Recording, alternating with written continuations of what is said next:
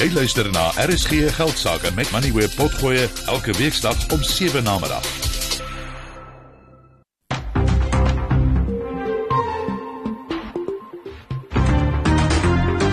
Jy luister na RSG Geldsaake, jou betroubare bron vir sake en beleggingsinsigte. Goeienaand en welkom. Ek is Tinus die Jager. In vanaand se program ons beurs hier in Johannesburg sluit die week so effens hoor, maar data oor Amerikaanse inflasiesyfers vandag druk aandelepryse in New York laer. Ons kenner wat bietjie agtergrond aan die markbewegings gee is Nerina Visser vanaand, sy's van ETF SA. Sy's ook 'n beursverhandelde fondsstrateeg. Ons doen 'n voorskou van wat te wagte kan wees in volgende week se begrotingsrede. Professor Andre Rousseau van die Stellenbosch Sakeskool gesels hieroor. En ons kyk na wie verantwoordelik behoort te wees vir die veiligheid van goedere op ons winkelrakke. Marjorie Meton is die bestuurder aanvoer kettingbeheer by die Verbruikerskommissie. Sy gesels onder meer oor grondpotjie botter en die eiendomsmark soek stabiliteit. Lightstone se Estiani markshoof van vaste eiendom daar praat met ons daaroor en dan antwoord Nerina en Elke Brink van PSG Wealth luisteraars vra in die tweede helfte van die program. Stuur gerus jou vraag per SMS na 45889 of stuur vir my 'n e-pos by tinus@moneyweb.co.za. Maar hier is eers 'n kykie na wat op die markte gebeur met Henko Kreur. Hallo Tinus en Nerina en goeie aand aan elke luisteraar. Ja Tinus, jy het gesê Amerikaanse markte wat hulle dag op die agtervoet begin het met die Dow Jones en die S&P 500 nou elkeen 0,3% swakker en die Nasdaq nou 0,6% af. Europese beurse het in die groen gesluit. Die Duitse DAX en die Franse CAC 40 het vandag elkeen 0,3% gewen en die FTSE 100 in Londen sommer 1,6% stewiger gesluit. Die JSE se indeks van alle aandele het vandag 0,5% geklim tot 73616 punte. Die nywerheidsindeks was 0,2% hoër, die Hulbron indeks 0,7% stewiger en die finansiële indeks vandag 1,2% stewiger. Glencore en Anglo het elkeen 'n redelike goeie dag gehad. Standard Bank ook sien ek. Hulle het elkeen 2,6% stewiger gesluit. BHP en First Rand het elkeen 1,6% gewen, maar British American Tobacco en AB InBev elkeen 1% laer. Ander maatskappye wat laer gesluit het en die week laer um, afgesluit het was Reunert en Mass. Hulle het elkeen 4% teruggesak en Barloworld, Vukile en Equities het elkeen 2.5% verloor met Outsurance, Redefine en Goldfields elkeen 2% laer. Aan die positiewe kant, 'n maatskappy met die naam van Alphamin het vandag 7% gewen. Pick n Pay, Arm, Exaro as ook Tsogosan het elkeen 2.5% stewiger gesluit en Netbank het 2.2% gewen. Dan op die kommoditeitsmark is die goudprys nou 2008 dollar per fyn ons. Silwer is nou 23 dollar en 30 sent, platinum 903 dollar per fyn ons en palladium 962 dollar. Die prys van Brent ruolie is nou 83 dollar per vat en die rand het na 'n baie moeilike week vandag 'n bietjie sy kop opgetel en verhandel nou teen R18.87 teenoor die Amerikaanse dollar, R23.75 teenoor die Britse pond, R20.34 teenoor die euro en R12.32 teenoor die Australiese dollar. Bitcoin het vandag so klein bietjie afgekoel nadat dit afgelope paar dae aan die kant of bo 'n miljoen rand verhandel het en staan nou op 51300 dollar en dit is nou 990000 rand. Dan tienus, heel laaser die plaaslike staatseffekte die R186 verhandel tans teen 8,9% en die R209 verhandel nou teen 11,8%. Baie dankie Henko. Soos ek vroeër genoem het, praat Nerina Visser oor die markte vandag Nerina is in Amerika reg op die plek waar die nuus gemaak word wat ons markte so raak. Nanterina, welkom. Wat het vir jou uitgestaan op die mark vandag?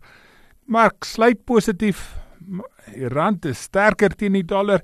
Dis so half onverwags met die syfers wat ons uit Amerika kry. Ja, goeienaand Tinus en 'n warm welkom vir almal uh, al die luisteraars vanaand by die program. Ehm um, ja, vir die tweede keer in 'n kort tydjie wat ons inflasiesyfers in Amerika kry wat dan 'n redelike skielike groot bewegings in in markte veroorsaak, maar vandag met die produsenteprysindeks ehm um, wat soos die uh, die verbruikersprysindeks van tevore ook verras het deur hoër uit te kom as wat die mark verwag het, sien ons dat die reaksie, jy weet dit is 'n soort van 'n 'n paar reaksies wat mens eintlik te wagte moet wees. Die ene is onmiddellik dat die dollar versterk want wat beteken as inflasie te hoog is beteken dit die die Federale Reservebank gaan die rentekoerse so gou kan kan afbring soos wat die mark dalk graag wil hê dit moet afkom nie. So jy sien dat die dollar versterk, jy sien dat die aandelebeurs verswak en jy sien dat uh, dinge soos byvoorbeeld die goudprys ook daal. Um interessant geweest dat met die met die vroeër toe die verbruikersprodusent uh, indeks uitgekom het, het ons 'n vreeslike wisselvallige dag gehad en markte het sterk laer gesluit. Vandag het dit so begin, maar ons het al klaar weer begin herstel en ja, wie weet, ek sal nie verbaas wees as die Amerikaanse beurse dalk want teen die tyd wat hulle sluitingsprys of uh, sluitingstyd bereik, dalk wel ook in die groen eindig. Uh, die S&P 500 byvoorbeeld nou gemaklik bo die 5000 vlak, 'n uh, redelike mylpaal wat dit um, onlangs bereik bereik het. So Nerina, wat beteken hierdie stygings in vervaardigersprysinflasie? Beteken dit dit gaan langer vat vir rentekoerse as wat verwag is om te begin daal? Ja, Tinus, definitief. En ek dink wat vir my interessant is in terme van hoe ons die reaksie van die mark sien wanneer hierdie tipe van syfers uitkom, is dat dit is asof die mark voel die Federale Reservebank behoort vinniger te reageer in terme van rentekoerse. Ten spyte van die feit dat hulle dat die Federale Reservebank keer op keer sê ons gaan nie vinnig rentekoerse afbring nie, weet, bedaar jouself, moenie so oorhaastig wees nie, weet. En ten spyte daarvan het die mark 'n paar weke gelede nog was hulle vas oortuig daarvan dat ons die eerste verlaging in rentekoerse in Amerika so gou as volgende maand in Maart gaan sien. En keer op keer het die Reservebank maar weer net gesê nee, nie so vinnig nie, bedaar. so op hierdie stadium um, dink ek dit is onwaarskynlik dat ons veel voor die tweede helfte van hierdie jaar 'n daling in rentekoerse in Amerika gaan sien en ek dink ons het 'n paar maande voor ons waar die inflasiesyfer dalk ongemaklik hoër gaan wees as wat die Federale Reservebank dalk graag sou wil sien want baie van die basiseffekte van 'n jaar gelede waar ons vreeslike hoë voedsel en energiepryse gesien het daai baie hoë basiseffek van 'n jaar gelede het eintlik tot disinflasie of laer inflasie lesings gelei nou en dit is nou uit die stelsel uit as ek dit so kan stel. So ons gaan vir die volgende paar maande dink ek moet verwag dat inflasie dalk 'n bietjie 'n uh, bietjie tyer gaan wees om laer te kom en nader aan daardie um op so van goue vlak van 2% wat die Federale Reservebank so graag wil sien voordat ons daar gaan uitkom. Um dit sal dalk kom, maar uh, maar dalk nie so vinnig soos wat die mark graag sou wou gehad het dit moet gebeur nie. Bietjie nader in ons Balo World doen verslag oor hulle algemene jaarvergadering vandag. Die aandeel sak met amper 2 en 3 kwart persent, Nerina. Ja, weet jy wat ek dink ons ons bevind ons in 'n situasie waar baie van jou maatskappye ehm um, dit blootgestel word aan baie van hierdie groot makro-ekonomiese faktore wat gebeur en as jy veral as jy na maatskappye soos Balo World, soos baie van ons ander internasionale maatskappye ook kyk, is daar teenstrydige faktore uit verskillende wêrelddele en verskillende ehm um, sektore waarin hulle uh, hulle werk. Ehm um, sonder om na die die spesifieke detail dalk van Balo World self te kyk, ek dink hierdie is vir my maar net verteenwoordigend van algemene mark en ekonomiese omstandighede waar daar baie teenstrydigheid op die oomblik is. En so hierdie wisselvalligheid wat ons sien in in aandelepryse en in maatskappyresultate ook dink ek praat eintlik tot daardie ding dat daar dikwels is daar beide goeie en slegte nuus in hierdie tipe van maatskappyresultate en dan is dit maar 'n geval van waarop fokus die mark En hoe lyk hierdie resultate wat bekend gemaak word in vergelyking met wat die mark verwag het aangekondig gaan word? En dis hoekom ons partykeer sien dat daar daar mag dalk resultate wees wat op die op die oog af baie goed lyk, maar die mark het dalk beter as dit verwag en dan kry ons 'n teleurstelling in die aandeleprys op die dag. amper baie soortgelyk is British American Tobacco wat vandag se aankondiging eers hulle aandeleprys skerp opdruk druk maar hy eindig ook maar in die rooi laat vanmiddag. Ja, Presies. Presies. Ek dink dis 'n baie goeie voorbeeld daarvan en en en Tinus ons sien dit definitief nie net in ons Suid-Afrikaanse of JSE gelyste aandele nie, maar maar reg oor die wêreld. En ek dink dit is dikwels um, in die in die maatskappy kommentaar, in die kommentaar van bestuur wat sê ook nie net wat het hulle ervaar in die in die periode wat verby is waaroor hulle rapporteer nie maar amper meer belangrik wat is hulle vooruitsigte vir die vir die toekoms? En ek dink dit is iets wat mense wat baie moeiliker is om te voorspel vir analiste. Analiste kan dalk jy weet goed voorspellings maak in terme van wat se tipe van finansiële resultate ons vir hierdie historiese periode kan verwag. Maar jy weet nie regtig wat gaan bestuur vir jou sê in terme van hulle vooruitsigte vir die volgende periode nie. En dit is dikwels eintlik maar wat die aandelepryse beweging op die dag um, in in in een of ander rigting druk. So as ons terugkyk na die Amerikaanse markte, vroeg vanoggend voor ons nou geweet het van hierdie inflasie syfers wat weer hoër is as wat verwag is, is daar geskryf oor Nvidia, die ouens wat die die rekenaar skyfies maak spesifiek vir hierdie kunsmatige intelligensie waar hulle voor staan en hulle aandeleprys styg nog steeds met 1,6% vandag ten spyte van die die rooi syfers daar uh, kom daar iets groots dit word voorspel dat daar iets groots kom daar Wel ek dink die iets groots wat kom is dat hulle volgende week hulle hulle kwartaallikse finansiële resultate bekend gaan maak en daar is baie teenstrydigheid in die mark op die oomblik oor wat om daar te verwag. Betienis as ons net terugkyk onlangs na ehm um, toe toe Meta sy finansiële resultate bekend gemaak het. Die aandeleprys van Meta het op die dag met 20% gestyg Men hierdie is een van die grootste maatskappye in die wêreld. Sy sy markkapitalisasie is veel groter as die hele JSE byvoorbeeld. En jy kry 'n 20% verandering in aandelepryse op 'n enkele dag. Dit is enorm en ek dink baie mense kyk na Nvidia en sê, "Gaan ons dalk 'n soortgelyke tipe van verrassing kry?" Maar ons het ook onlangs gesien dat jy ook 'n negatiewe verrassing kan kry En so daar is baie as jy kyk byvoorbeeld na die opsies rondom Nvidia en waar die verhandeling op die oomblik plaasvind, is daar omtrent eweveel ehm um, markanaliste wat verwag dat Nvidia dalk 'n baie positiewe reaksie kan hê volgende week Woensdag wanneer hulle resultate bekend gemaak word, as wat daar is wat dink dit kan dalk 'n negatiewe reaksie wees. Daar is geen twyfel daaraan dat dat Nvidia homself in 'n baie gunstige posisie bevind in terme van hierdie skyfies wat hulle maak en die en die aanvraag daarvoor nie.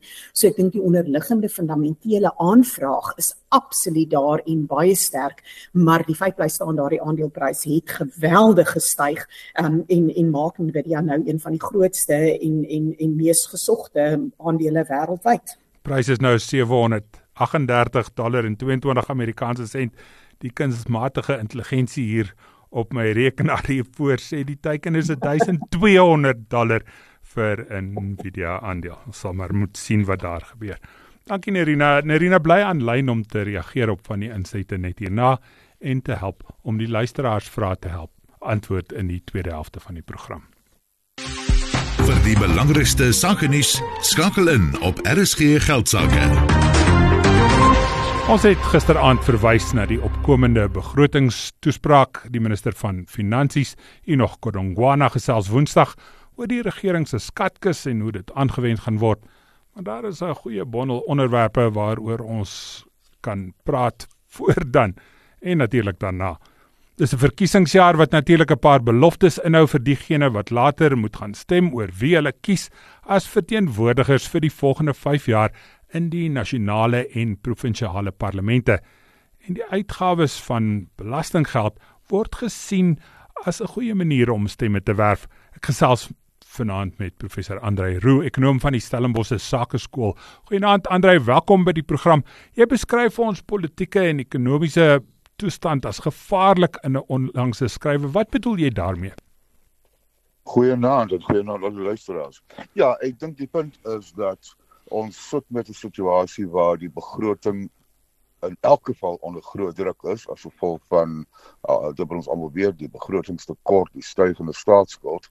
En die mense normaalweg wou gehad het dat daar uh, streng dissipline nou moet toegepas word. Dit ons kan nie aangaan met hierdie hoër tekorte en stygende staatsskuld, maar op die vooraan van die verkiesing waar die regerende party vir die eerste keer in 30 jaar na die moontlikheid kyk dat hulle nie 'n volstrekte meerderheid kan kry, sou dit politieke, ek wil amper sê selfmoord wees om om uitgawes drasties te sny, veral uitgawes wat gemik is op diegene wat wat 'n bietjie swaarder die res. Ons praat oor die sosiale uh uh toekennings die ehm um, staatsdiens amptenare in dis meer. So ek sê om daai uitgawes te sny sal uit 'n politieke oogpunt waarskynlik uh onwenslik wees. Johan Els, hoof-ekonoom van Old Mutual het gisteraand met ons gesels en hy het 'n paar keer verwys na ons probleem. Hy beskryf dit as die probleem van stadige groei. Stem jy saam dat dit ons groot probleem is? Ja, dit dit is dit, lê op die wortel van baie van ons probleme. Uh as ons praat van staats uh, uitgawes en dis meer en die en die begroting, die probleem is met met die ekonomie wat baie stadig groei, beteken die belastingbasis stadig groei. Ek wil amper sê die organiese groei is baie stadig en 'n mens kan nie uh, groot toenames daar verwag nie tensy en dit is waar die probleem lê tensy daar maniere gevind word om belasting te verhoog deur middel van uh, koersverhogings. En dit wil mense ook nie noodwendig hê nie. en mense wil dit nooit hê nie want die diegene wat die swaarste kry is dan uiteindelik die verbruiker wat reeds gebuk gaan onder groot druk. En mense moet onthou dat verbruiksbesteding is om en by 60% van die totale ekonomie dis die groot dryfkrag agter ekonomiese groei. Daar word ook verwys na trustbelasting en erfbelasting wat verhoog kan word. sien jy dit as 'n moontlikheid? Ek dink dit is 'n moontlikheid, 'n uh, uh, ongelukkige moontlikheid want dit bring 'n bietjie ekstra inkomste in en dit sal gesien word ons keer terug na die politiek as 'n vorm van herverdeling via die belastingstelsel want dit seker sekerlik die meer welvarende mense in ons gemeenskap wat wat daai tipe belasting betaal en nie die armes nie. Ander gebeur rondom ons buite ons grense word ook blameer vir die ekonomiese verknorsing waarin Suid-Afrika homself bevind. Ons word beskryf as 'n oop ekonomie. Is dit dalk tyd om so bietjie minder oop te wees?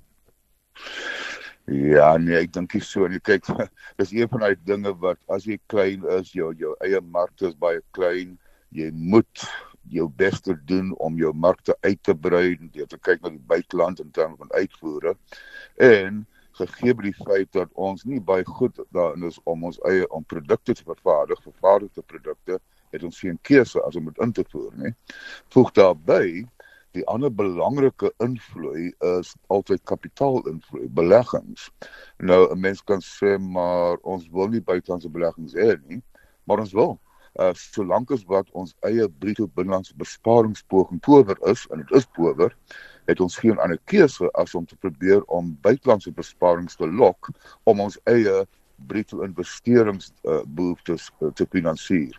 Uh so met met met oopheid kom die goeie dinge en die slegte dinge. As dit goed gaan met die buitelandse ekonomie, gaan dit beter met ons.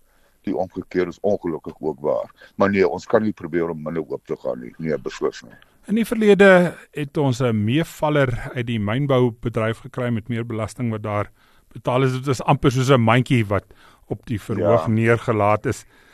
Ja. Jy verwys na 'n reserverekening vir goud en buitelandse valuta is daar dalk nog so 'n mandjie? Ja, dit is 'n interessante punt wat begin kop uitsteek teen die einde van verlede jaar. Kyk, dit gaan oor dis eintlik 'n spesiale gebeurlikheidsrekening. Dis nie die totale reserve nie maar uh, ons sit met buiteland goud en buitelandse reserve, buitelandse geldeenhede wat op uh, wat op uh, spoor wat wat akkumuleer danksy uitvoere. En uh van tyd tot tyd word hierdie reserve geherwaardeer volgens die heersende wisselkoers. Nou soms natuurlik beteken dit verlies, maar die afgelope paar jaar was daar uh op papier 'n uh, wins gemaak. Nou tegnies enige verlies uh is vir die rekening van tesourier, maar aan die ander kant van die storie is enige uh uh wins kom na die tesourier toe onder die regte omstandighede. So ons praat van so om en by 500 miljard rand wat te sprake is. En dit sou nie on aangenaam wees om dit te gebruik mits dit op die regte wyse gebruik word. 'n mens wil natuurlik nie daai geld vir tesorie gee en sê okay spandeer dit op lone of spandeer dit op standbeelde en monumente nie maar sou dit gebruik word op gedeelte daarvan gebruik word om die begrotingstekort byvoorbeeld te kleiner te maak of selfs om om om skuld te delg, is dalk nie 'n slegte opsie nie. 'n Mens moet versigtig wees, mens moet kyk na die voorwaardes waaronder dit plaasvind en dit kan dalk ook soos jy net nou gesê het, net die eenmalige meerpalletjie wees. Volgende jaar is die situasie dalk net mooi omgekeerd. Ehm um, so dis iets wat hulle kan dalk oorweeg. Ek dink dit gaan oor die oor die detail van die transaksie wat nou te sprake is. Andre, na jou mening is daar enigiets om uit te sien na in die begrotingsrede? Ek wens ek kon sê ja, ek ek is van van nature optimis, maar ek moet by hierdie jaar is dit moeilik om baie goeie ding. Ek dink dit gaan 'n vol goed begroting wees, né? Ek dink dit gaan 'n poging wees om ekonomiese sinvolheid met politieke werklikheid probeer versoen. Ek dink jy daar gaan geslaag, ek dink jy daar geslaag gaan word om daai versoening te kry nie. Ek dink almal gaan half ongelukkig wees, half ontevrede wees en ek is bevrees dit is nie 'n uh, 'n uh, 'n uh, optimistiese uitsiening wat die mens kan koester nie. Dankie Andrei, dit was professor Andrei Roo ekonom van die Stellenbosse Sakeskool. Die begrotingsrede word Woensdag volgende week verwag. Het jy dit gehoor? Dis die klank van ligte wat afgeskakel word om die impak van beurtkrag te verminder. Eskom moedig jou aan om te alle tye minder elektrisiteit te gebruik deur elektriese toestelle en ligte wat nie gebruik word nie af te skakel. Selfoonlaaiers, TV's en dekodeerders gebruik steeds elektrisiteit as dit nie by die muurprop afgeskakel is nie. Jy sien As ons almal dit wat nie gebruik word nie afskakel, kan ons gesamentlike poging help om die impak van beurtkrag te verminder. Kom ons werk saam deur af te skakel om beurtkrag te verminder. Daar is geen geld sake met Moneyweb. Elke week saam tussen 6 en 7. Die afgelope week of 2 maak grondpotjie botter nuus met Pick n Pay wat sê hulle het produkte van een maatskappy, House of Natural Butters, getoets en gevind dat daar te veel aflatoksien in is. Die produkte is van die rak verwyder. Aflatoksien kom in graan en grondbone voor en ontstaan uit 'n swaminfeksie van die plant. Studies wys dat blootstelling enige orgaan kan aantas, maar dat veral die lewer en niere vatbaar is vir die gif. Ander kleinhandelaars van die grondboonbotter het ook die produk van die rak gehaal. Ons gesels nou met Marjorie Meton. Sy is bestuurder aanvoer kettingbeheer van die verbruikerskommissie. Goeiemiddag Marjorie en welkom by die program. Dit lyk asof die winkelgroep Pick n Pay self die produkte getoets het om die probleem op te spoor of raakloop. Is dit algemene praktyk in hierdie groot winkelkettinge om self daardie tipe toetse te doen? Ja, Tinus, dis die algemene praktyk dat winkels produkte moet toets voordat dit op die rakke geplaas word en sodoende voordat dit aan die verbruikers ook blootgestel word. Skep dit dan nou nie probleme met kleiner winkels nie wat dalk nie die kapitaal het of die bevoegdheid het om sulke toetse te doen nie. Kyk, dis die aanname van die kommissie dat kleiner winkels hierdie produk by betroubare verspreiders of kettingwinkels sou gekoop het wat reeds aan al hierdie standaarde voldoen. So die verbruikerskommissie op sigself toets nie en daar's ook nie ander beheerliggame wat sulke toetse sal doen op produkte wat aan ons Suid-Afrikaanse verbruikers versprei word nie, Marjorie? So nee, die kettingwinkels hulle self, hulle doen die toetse, maar daar is 'n ketting van gebeure in hierdie geval. Die vervaardiger, die verspreider en die winkel is veronderstel om die produkte te toets voordat dit op die rakke geplaas word. So dit is die verantwoordelikheid van hierdie kettingwinkels om seker te maak dat hierdie produkte volgens standaarde voldoen voordat dit op die rakke geplaas word, ja. Wat meer kan ons doen om die verbruikers veilig te maak hier in Suid-Afrika? As ek so terugdink, was die SABS die Buro vir Standaarde daar gestel om spesifiek na produkte te kyk wat nie kos noodwendig nie. Is daar nie plek vir so 'n soortgelyke organisasie vir verbruikersprodukte nie? In die geval van die kommissie doen ons verbruikersbewusmaking inisiatiewe wat verseker dat die nasionale verbruikerskommissie die verbruikers opvoed oor produkveiligheid. Sekondêr daartoe moedig die nasionale verbruikerskommissie die produsente aan om aan al die standaarde te voldoen en waar daar wel 'n probleem is om die kommissie onmiddellik in kennis te stel. Is dit prakties dan om so staat te maak op ander winkelgroepe en verskaffers om jou produkte te toets. Los dit nie klein besighede oop vir groot hofsaake teen hulle as iets dan nou verkeerd gaan nie. Nee, die kommissie glo dat die vrystelling van inligting op hierdie manier prakties is en dat dit 'n groot volume van verbruikers bereik. So verbruikers word gereeld in kennis gestel ook deur die inisiatiewe wat die kommissie doen dwars deur die land om hulle bewus te maak van produkte en die toetsing van produkte. Maar jy is jy tevrede met die manier waarop hierdie grondpotjie botterprobleem hanteer is? Ja, die kommissie is tevrede. Om die waarheid te sê, ons is dankbaar vir sulke platforms soos die RSG geldsaake en ander om die inligting dieper na die publiek te filtreer. Baie dankie Marjorie, dit was Marjorie Meton. Sy is bestuurder aanvoerkettingbeheer van die Verbruikerskommissie. RSG geldsaake met Moneyweb jou betroubare bron vir sakke en beleggingsinsigte. Die dataverskaffer, navorser en besigheidskonsultant Lightstone het hulle vaste eiendomsindeks vrygestel met die opskrif dat eiendomsagente hoop op 'n beter 2024 as politieke en ekonomiese toestande verbeter. Minder as 3 uit 4 agente wat in die studie genader is, aan die ander kant verwag om vanjaar hulle verkoopsteikens te haal. Ons gesels nou met Estiani Marx, hoof van vaste eiendom by Lightstone. Goeienaand Estiani en welkom by die program.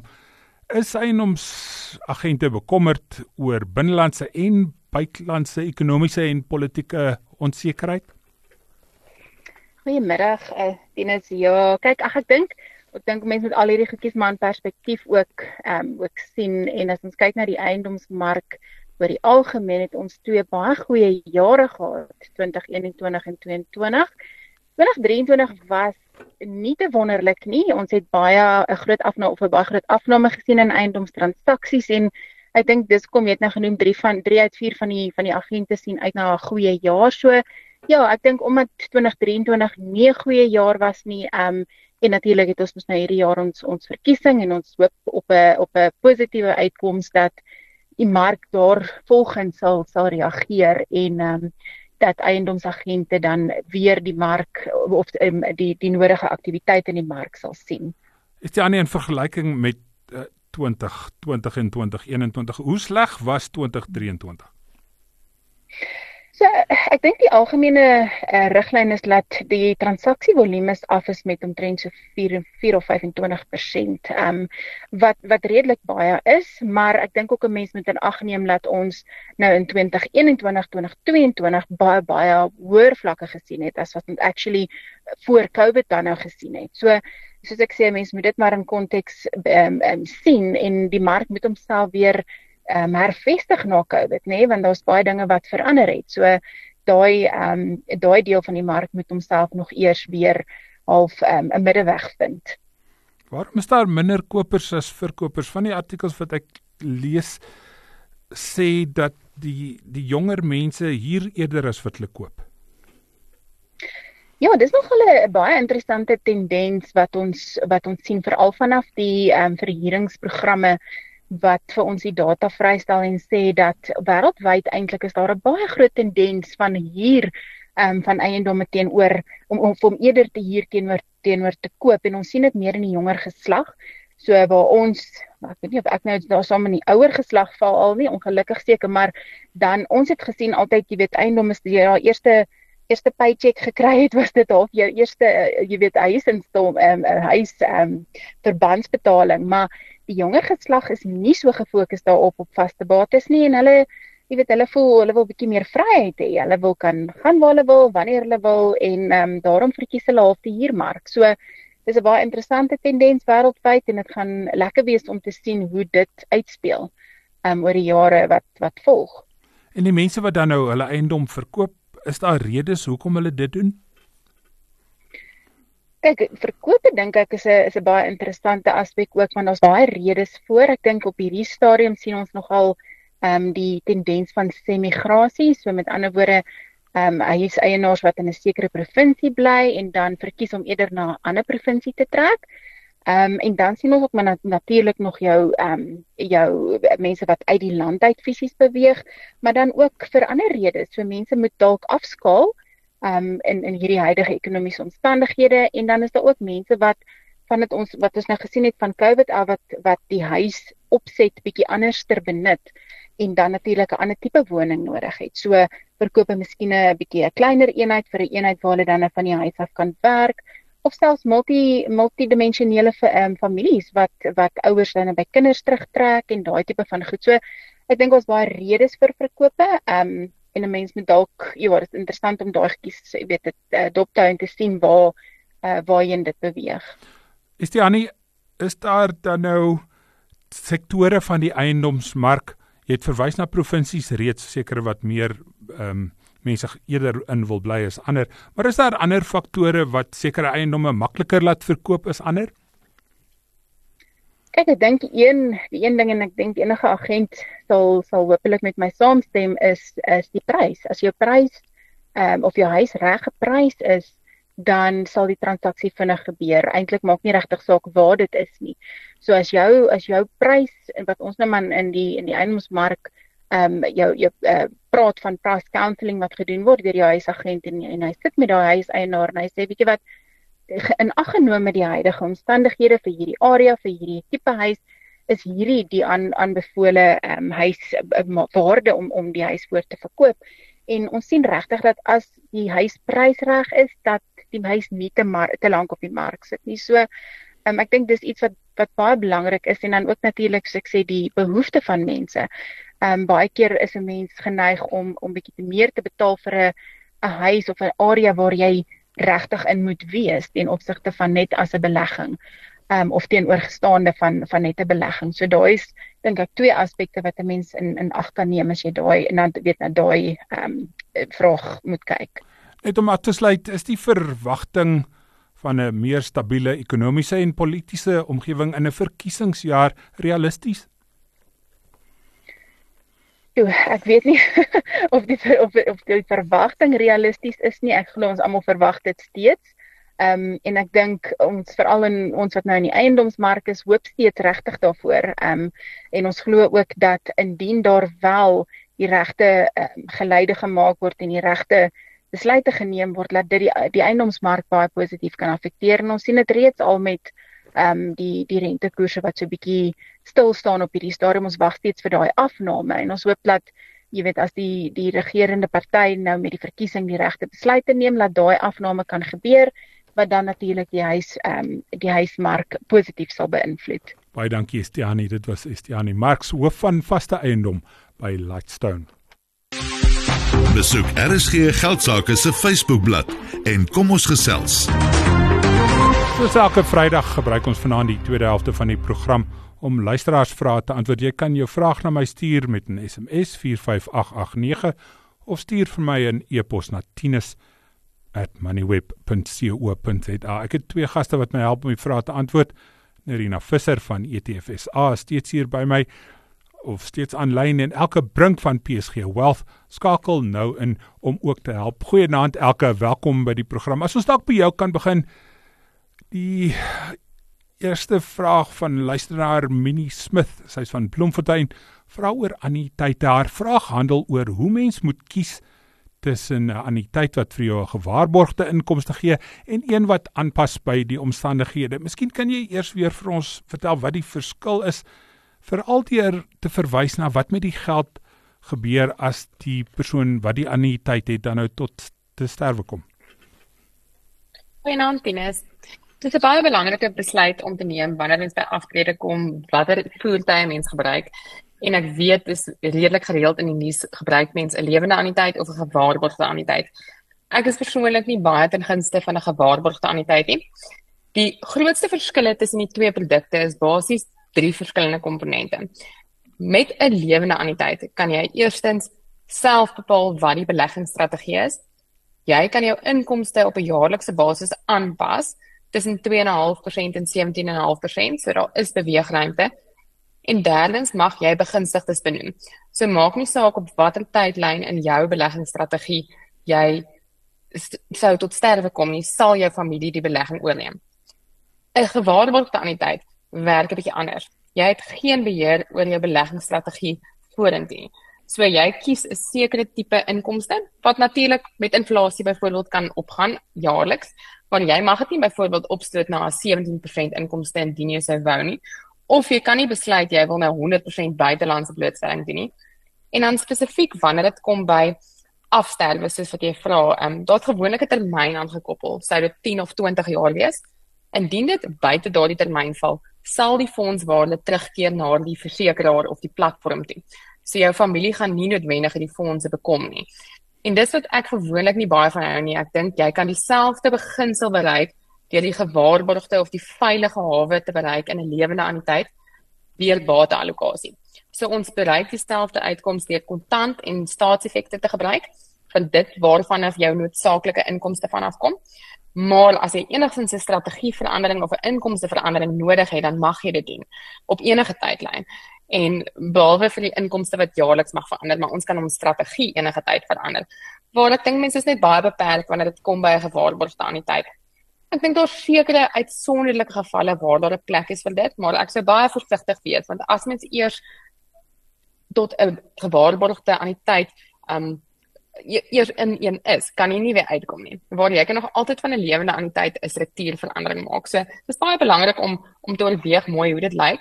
Wat ek altyd by 'n aftrede wel aanbeveel is dat mens ook 'n groot liquide portefeulje het, so gewone vrywillige belegging wat jy half as 'n noodfonds kan gebruik of 'n aanvullende inkomste tot jou lewende anniteit kan gebruik om seker te maak dat jy enige tyd kan trek as jy net 'n 'n onvoorsiene uitgawe het. Ons het 'n vraag per SMS oor die anniteite. Elke die luisteraar wat graag anoniem wil bly, vra of dit raadsaam is om anniteite uit te neem op 'n hoër ouderdom. Hy verwys na 56 en 59 en hy vra ook watter tipe anniteit. Jy het verwys na omstandighede. Watter tipe anniteit sal jy dan nou later uitneem? So anniteite het altyd 'n baie waardevolle rol in enige portefeulje en ek dink dit is belangrik om dit te beplan. So eerstens gewoonlik, ek wil amper sê voor mense inkomste behoefte het, is dit gewoonlik 'n uittreë anniteit. En die oomblik as jy dit wil omskakel in 'n produk wat jy inkomste wil trek, word dit dan 'n lewende anniteit. Beide van hierdie produkte is baie ideaal in terme van boedelbeplanning, want outomaties is die fondse uit jou boedel uit. So jy kan 'n begunstigde benoem en jy weet die fondse gaan direk na jou familielede of geliefdes toe. En tweedens kan mens tot 'n groot mate byvoorbeeld 'n uitreaniteit gebruik vir belastingvoordele. So eerstens het jy jou normale belastingvoordeel op 'n jaarlikse basis wat nou baie relevant is vir einde Februarie. So jy kan 27.5% van jou belasbare inkomste spaar en terugeis van SARS af tot 'n maksimum van R350 000 'n jaar. Sou jy enigiets boonbehalwe dit spaar, is daar 'n addisionele voordeel wat inskop wat jy later in jou lewe baie ideaal kan gebruik. So ek gaan 'n vinnige voorbeeld noem. As jy vandag 5 miljoen rand sou insit in 'n uitreaniteit en jy is ouer as 55 en ons skuif daai 5 miljoen dadelik van die uitreaniteit na 'n lewende anniteit toe, het jy 'n voordeel wat ons noem 'n uh, verskoonde Engels maar 'n disallowed contribution. En dit kom basies daarop neer alles wat jy nie onmiddellik kon terugwys van van die inkomste diens af nie, mag jy afspeel teenoor jou inkomstebelasting. So outomaties het jy eintlik twee suksesverhale. Jy kan dadelik dit afspeel teen jou inkomstebelasting en effektiewelik geen belasting betaal nie. En tweedens haal jy 'n klomp fondse uit jou boedel uit wat jy outomaties aan jou familie gee. Minie vra of daar behalwe nou hierdie gewaarborgde of lewensanniteit 'n derde of selfs 'n vierde keuse is as 'n mens dan nou beplan vir jou aftrede. Aftrede hang altyd af natuurlik wat is die bron van fondse? Waarvan af kom die geld? As dit van 'n 'n voorsorgfonds of 'n pensioenfonds of 'n uitreaniteit kom, het jy sekere opsies wat nou maar gewoonlik die lewende anniteit um of gewaarborgde anniteit keuse is. Soos ek genoem het, sal ek altyd aanbeveel by aftrede dat mens ook 'n redelike substansiële vrywillige belegging het um vir onvoorsiene uitgawes ook uit 'n belastingoogpunt en as aanvulling tot die die inkomste wat jy op 'n maandelikse basis trek. So ek dink dit is belangrik om 'n kombinasie te hê van byvoorbeeld 'n lewende anniteit en 'n gewone 'n vrywillige belegging as ook moontlik 'n belastingvrye belegging en uit die drie verskillende komponente kan jy kan jy van al drie al jou belastingvoordele op 'n jaarlikse basis benut. So watter faktore neem jy in ag voor jy so besluit maak elke? Ek dink dit hang af eers hoe lyk die portefeulje wat opgebou is tot en met aftrede en natuurlik in die ideale wêreld kan mens alles opbou as jy op 'n vroeë stadium dit kan beplan dan bou ons die ideale aftrede. Indien jy naby aan aftrede is dan besluit ons hoe struktureer ons dit die beste. Ek dink indien mens byvoorbeeld hoofsaaklik aftreefondse wat die werk het of 'n uitreaniteit Wat ek wel sal aanbeveel is dat jy jou belastingvrye komponent uitneem wat gewoonlik R550 000 is en die nie voorheen onttrek het nie. En dit kan ons dan nou oorplaas na 'n toeganklike belegging wat jou noodfonds sal wees. En behalwe vir dit sal ek dan um die situasie evalueer in terme van wat is jou inkomste behoefte, wat is die bron van fondse en daar sal mense die belastingeffektiwiteit en die boedelbeplanning bereken. Ek dink wat in baie gevalle ook gebeur, die voorbeeld byvoorbeeld van boere of selfs 'n persoon wat baie blootgestel is aan een spesifieke aandeel en baie um likwide kapitaal het, het jy 'n groot boedelprobleem eintlik. So dit daar is tog 'n plek as jy nou vandag net met 'n likwide portefeulje sou kom, dat mens ook 'n uitrealiteit en 'n lewende anniteit gebruik uit 'n boedeloogpunt. So ek dink daar is um dis belangrik om op daardie stadium voor aftrede en baie aftrede baie goeie analise te doen van wat die behoeftes is. Nerina, ons het daarmee vergeet van jou nie. Karel is ons tweede luisteraar wat vra vra. Hy's van Woester. Hy vra of hy hier uit Suid-Afrika direk in Berkshire Hathaway kan belê. Dis die maatskappy van Warren Buffett, soos julle weet, 'n ikoon in die beleggingswêreld. So Karel, ek het vir jou baie goeie nuus. Ja, jy kan. 'n Mens kan natuurlik 'n um, buitelandse um, jy weet aandelemakelaar se rekening kan jy byvoorbeeld hê, maar daar's daar's selfs 'n beter opsie vir Suid-Afrikaanse beleggers en dit is dat FNB 'n reeks van beursverhandelde notas um, op die JSE gelys het wat vir jou blootstelling gee aan individuele Amerikaanse maatskappye um baie van die groot bekendes so dis soos jou Apple en Alphabet en um Microsoft en Meta en so aan is almal daar beskikbaar maar Berkshire Hathaway is een van die opsies wat jy op daardie manier kan koop so die die die groot voordeel deur dit hier direk op die JSE te koop veral vir 'n individuele belegger is my eintlik tweedelig boonbehalwe dat die onderliggende belegging dalk 'n wonderlike belegging is die twee belangrikste voordele vir my is dat jy in en op die JSE belê jy in rande. En wanneer jy koop en verkoop is dit in rande, so die Reserwebank sien nie hierdie belegging op die JSE as deel van jou buitelandse toelaag wat jy gebruik nie. Ehm um, want jy belê in rande en jy kry dit weer terug, maar die waarde van daai randbelegging word ten volle blootgestel aan die onderliggende Berkshire Hathaway prys in dollars en dan natuurlik die rand-dollar wisselkoers. So dis die dis die eerste baie belangrike voordeel, maar die tweede baie belangrike voordeel veral wanneer ons van 'n maatskappy so soos Berkshire Hathaway praat, om een aandeel in daai maatskappy te koop is verskeie honderde duisende dollars. Nou ek weet nie van jou nie Karel, maar ek werk nog daarna toe om genoeg geld te hê om een Berkshire Hathaway aandeel in dollars te kan koop.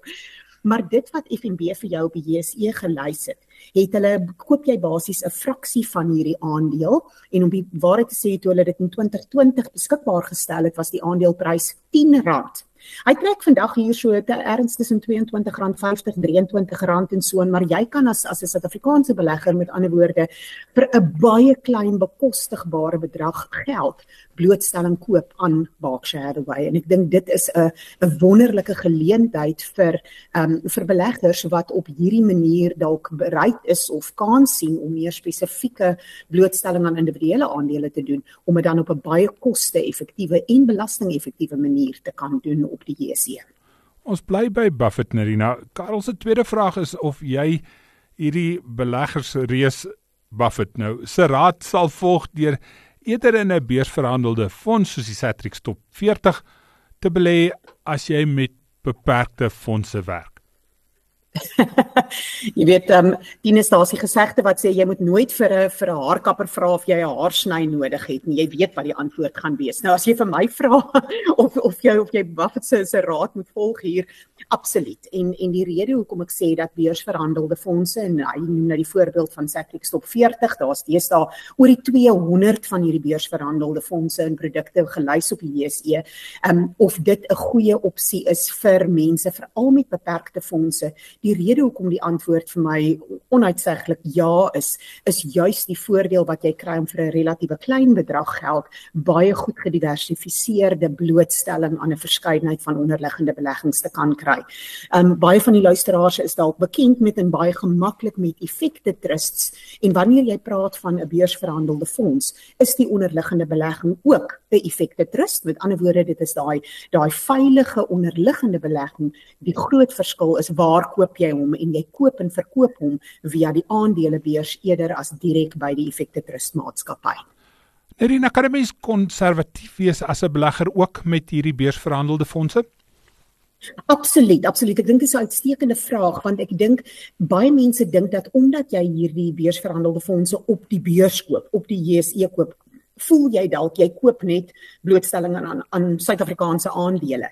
Maar dit is glad nie die geval nie. Die onderliggende belegging is is letterlik enigiets in die hele wêreld. Om die waarheid te sê, ons het heelwat meer beursverhandelde fondse op die JSE wat vir jou blootstelling aan internasionale markte gee as aan Suid-Afrikaanse markte en dit gee ook vir jou blootstelling aan baie meer as net aandele.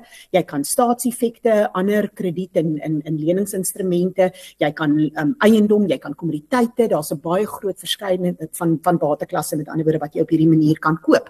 En ja, 'n mens kan ook baie konservatief wees want ons het selfs geldmarkfondse wat as beursverhandelde fondse beskikbaar is of of die wat vir jou klein bietjie meer as dalk net korttermyn rentekoerse gaan betaal, die sogenaamde enhanced advanced income fund. So daar is 'n wonderlike verskeidenheid nie net van onderliggende bateklasse en geografiese blootstelling wat mens kry via beursverhandelde fondse nie, maar ook hierdie hierdie geleentheid om verskillende mates van risiko in jou beleggings te neem deur gebruik te maak van beursverhandelde fondse. Nerina, Karel vra ook wat is die verskil tussen 'n aktief en passief bestuurde fonds? So 'n passief bestuurde fonds beteken eintlik maar um, dit word ook daar word ook daarna verwys as 'n indeks navolgingsfonds. Met ander woorde, so 'n fonds se onderliggende beleggings, al wat dit doen is dit reflekteer presies die onderliggende aandele en in die samestelling wat 'n indeks het. Soos byvoorbeeld jou top 40 indeks, dis die 40 grootste um, um, aandele op die JSE en die die um, so van blootstelling of die gewig wat elkeen van daai aandele het, is dan ook in lyn met hulle markkapitalisasie. So die indeks navolgingsfonds reflekteer eintlik maar net wat in 'n uh, indeks sit. So ja, jou passie, sogenaamde passiewe fondse. Aktief bestuurde fondse tipies beteken dat daar 'n fondsbestuurder is wat aktief besluite neem oor watter aandele of watter bates om binne in die fonds um, te te belê of in te sit. En daar is die wanopvatting van mense dat effekte trusts noodwendig aktief bestuur word en dat beursverhandelde fondse noodwendig passief of indeksnavolgingsfondse is. Terwyl dit nie die geval is nie. Die groot verskil tussen die twee is waar jy dit koop. Jy weet die Engelse naam exchange traded fund, exchange traded, dit is eintlik waar in die waar in die verskil lê dat dit op die beurs verhandel word. So kry ons dan sogenaamde passiewe fondse wat as as um, effekte trust net beskikbaar is, maar ons kry ook deesdae aktief bestuur bestuurde fondse wat as beursverhandelde fondse beskikbaar is. Dit is 'n relatiewe nuwe ontwikkeling in Suid-Afrika en 'n baie vinnig groeiende manier van blootstelling. Met ander woorde, dink maar hoe jy aan jou tipiese aktief bestuurde effekte trust sal dink. Dis baie dieselfde wat jy nou kan kry, maar jy kan dit koop via 'n beursverhandelde fonds op die JSE. Elke ons het 'n vraag per SMS. Die luisteraar wil graag anoniem bly en sê hulle ek ek is nie heeltemal seker wie wie die hulle is nie, maar het vertroue in in aandele en banke of elektroniese stelsels spesifiek verloor. So vir die afgelope 3 jaar sê die luisteraar koop ons net goue en silwer munte. Sy of hy wil weet of dit 'n goeie en veilige belegging is veral in die langtermyn, langer as 10 jaar. Dis 'n spesifieke vraag. Ek ek wil nie noodwendig hê jy moet syfers noem nie, maar maar wat dink jy van so 'n belegging? Kennis ek dink met enige portefeulje is dit belangrik om te definieer um wat die strategie is en wat is die doelwit en die behoeftes in terme van groei en wat wat ons wil bereik. Ongelukkig as dit kom by goud en silwer byvoorbeeld, is dit ook net 'n bateklas van hulle eie. So gewoonlik is my aanbeveling dat dit eintlik maar net 'n komponent maak van die groter portefeulje. Um wanneer ons kyk na die opbrengs van van hierdie um hierdie bateklasse as ek dit sou kan verwoord, is dit ongelukkig meer 'n wat ons net maar gewoonlik verwoord as 'n storing van waarde of 'n berging van waarde as as wanneer dit kom by groeibates, soos byvoorbeeld aandelblootstelling en en ander bateklasse. En dit is belangrik om te weet in enige portefeulje, ons het basies twee verskillende um doelwitte wat ons wil bereik. Ons wil eerstens met inflasie kan byhou En veral in Suid-Afrika is dit baie belangrik om te definieer wat is inflasie. Wanneer dit kom by die gemiddelde individu wat 'n mediese fonds het en en verskeie uitgawes het, is inflasie nie regtig tussen 3 en 6% nie. Dis heelwat meer as dit. So ons moet met inflasie kan byhou. Anders ongelukkig verloor mense op 'n daaglikse basis koopkrag met die fondse wat jy het en jou kapitaal gaan eenvoudig net nie genoeg wees tot en met um die einde van aftrede nie. En tweedens, wanneer mense in 'n aftrede fase is, moet ons behalwe vir inflasie moet ons jou inkomste delging ook kan uitpresteer. So ons moet seker maak dat wat ook al kapitaal jy in plek het, ons vir 30 jaar of dalk meer in plek kan hou. En dis waarom ons verskillende bateklasse kombineer. Goud is 'n baie goeie voorbeeld in terme van wisselvalligheid ook eintlik want net soos wat onsekerheid werk met die aandelemark, werk onsekerheid ook met die goudmark. So wanneer daar onsekerheid in die wêreld is, dan hardloop almal na goud toe. En die oomblik as al effens meer sekerheid is of daar daar geleenthede in die aandelemark is, dan wil niemand meer goud hê nie. So dis 'n baie wisselvallige um effek eintlik op die goudprys en en waar dit in jou portefeulje inpas. Ekskuus, ek ons moet jou in die rede val, dis tyd om terug te skakel na die ateljee vir die nuus. Daar is nog een of twee vrae wat oorbly. Ons sal volgende keer daarna kyk. Dankie aan Rina Visser van ETF SA en elke brink van PSG Wealth vir julle insette vanaand. daarmee groet ons Palesa Matlala vir die inhoud gesorg Piet Botha as die klankingenieur en van my Tinus die Jager. Dankie dat jy vanaand saam geluister het. Jy het geluister na RSG Geldsaake met Money where potgoe elke weeksdag om 7 na middag. Vir meer Money where potgoe, besoek moneyweb.co.za of laai die toepassing af en volg Moneyweb News om dagliks op hoogte te bly.